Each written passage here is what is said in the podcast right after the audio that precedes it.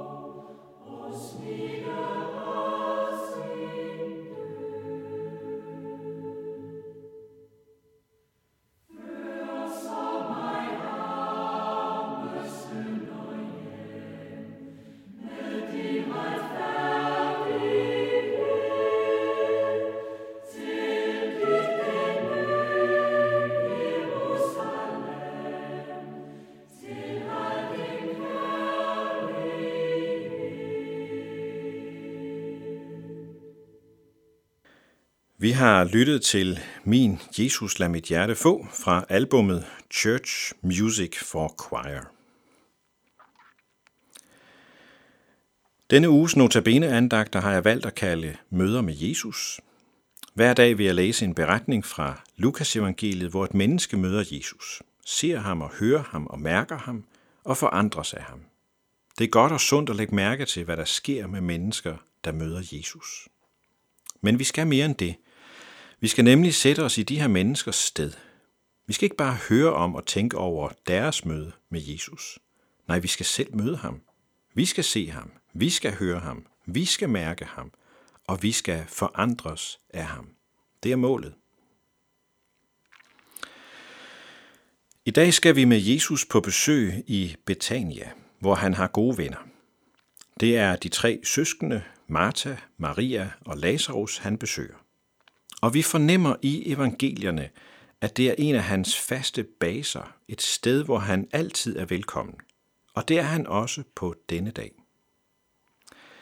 Beretningen finder vi i Lukas evangeliet kapitel 10, vers 38-42, og den lyder sådan her. Mens de var på vandring, kom Jesus engang ind i en landsby, og en kvinde ved navn Martha tog imod ham. Hun havde en søster, som hed Maria – hun satte sig ved Herrens fødder og lyttede til hans ord. Men Martha var travlt optaget af at sørge for ham. Hun kom hen og sagde, Herre, er du ligeglad med, at min søster lader mig være alene om at sørge for dig? Sig dog til hende, at hun skal hjælpe mig. Men Herren svarede hende, Martha, Martha, du gør dig bekymringer og er urolig for mange ting, men et er fornødent.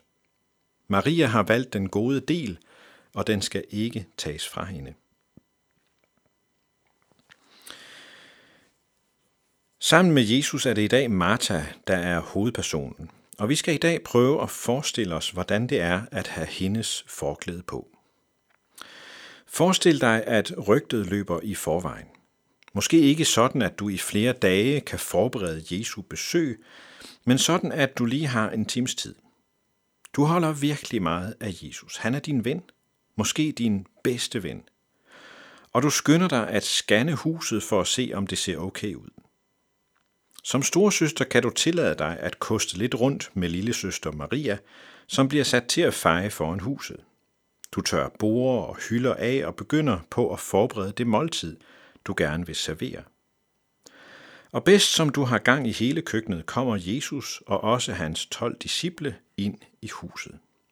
De er støvede, men smilende, og ønsker dig og dit hus Guds fred. Men du har ikke fred, for du er jo i fuld gang med at gøre alt klar til Jesus. Du knokler og sveder og stresser, og så ser du pludselig, at din lille søster er holdt op med at hjælpe. Nu sidder hun der blandt disciplene og lytter til det, Jesus siger, og du er alene om alt det praktiske. Hvad tænker du? Hvad føler du? Og hvem bebrejder du? Da dine følelser er lige så meget i kog som din suppe, tramper du ind til de andre og siger, måske lidt mere skingert, end du havde ønsket. Herre, er du ligeglad med, at min søster lader mig være alene om at sørge for dig? Sig dog til hende, at hun skal hjælpe mig. Hvorfor er det Jesus, du henvender dig til? Hvorfor henvender du dig ikke direkte til Maria? Er du skuffet over, at Jesus ikke selv har lagt mærke til dig og dit slid? Er du skuffet over den manglende anerkendelse? Jesus kigger på dig og svarer, Martha, du gør dig bekymringer og er urolig for mange ting, men et er fornødent. Maria har valgt den gode del, og den skal ikke tages fra hende. Hvad får Jesu ord dig til at føle? Vrede?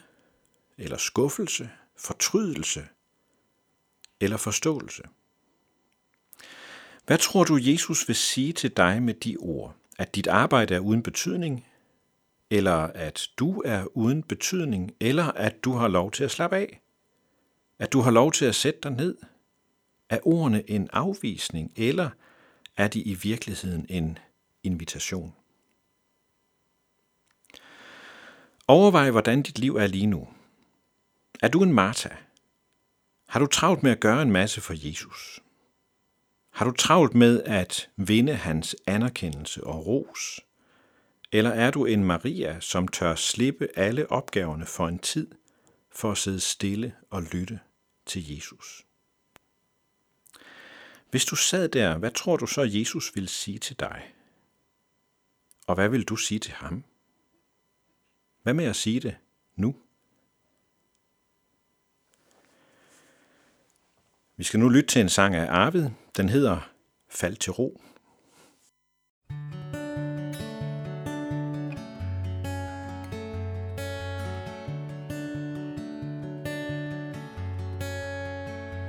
Fald til ro, fald til ro igen, min sjæl til ro. Hos dig, ingen andre steder hen, min sjæl til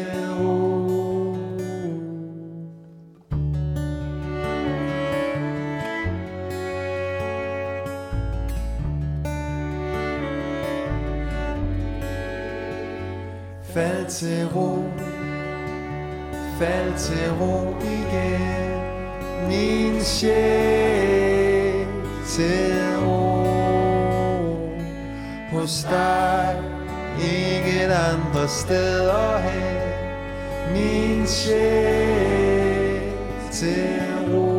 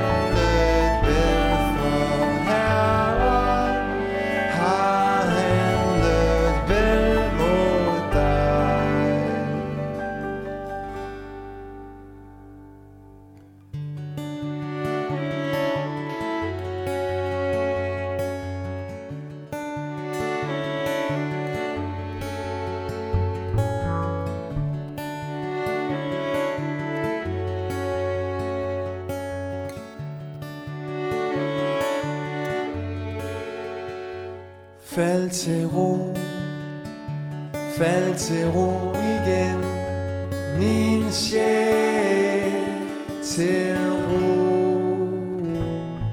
hos dig, ingen andre steder hen. Min sjæl til ro. Hvor bølgerne stanser, hvor vinden har lagt sig. Selv bjerge holder vejret og venter på dit ord. Hvor fødder er plantet, hvad tone er landet. Dine tanker står stille. Dit nærvær er mig nok. Hvor bølgerne stanser. Hvor vinden har lagt sig. Selv bjerget holder vejret Og venter på din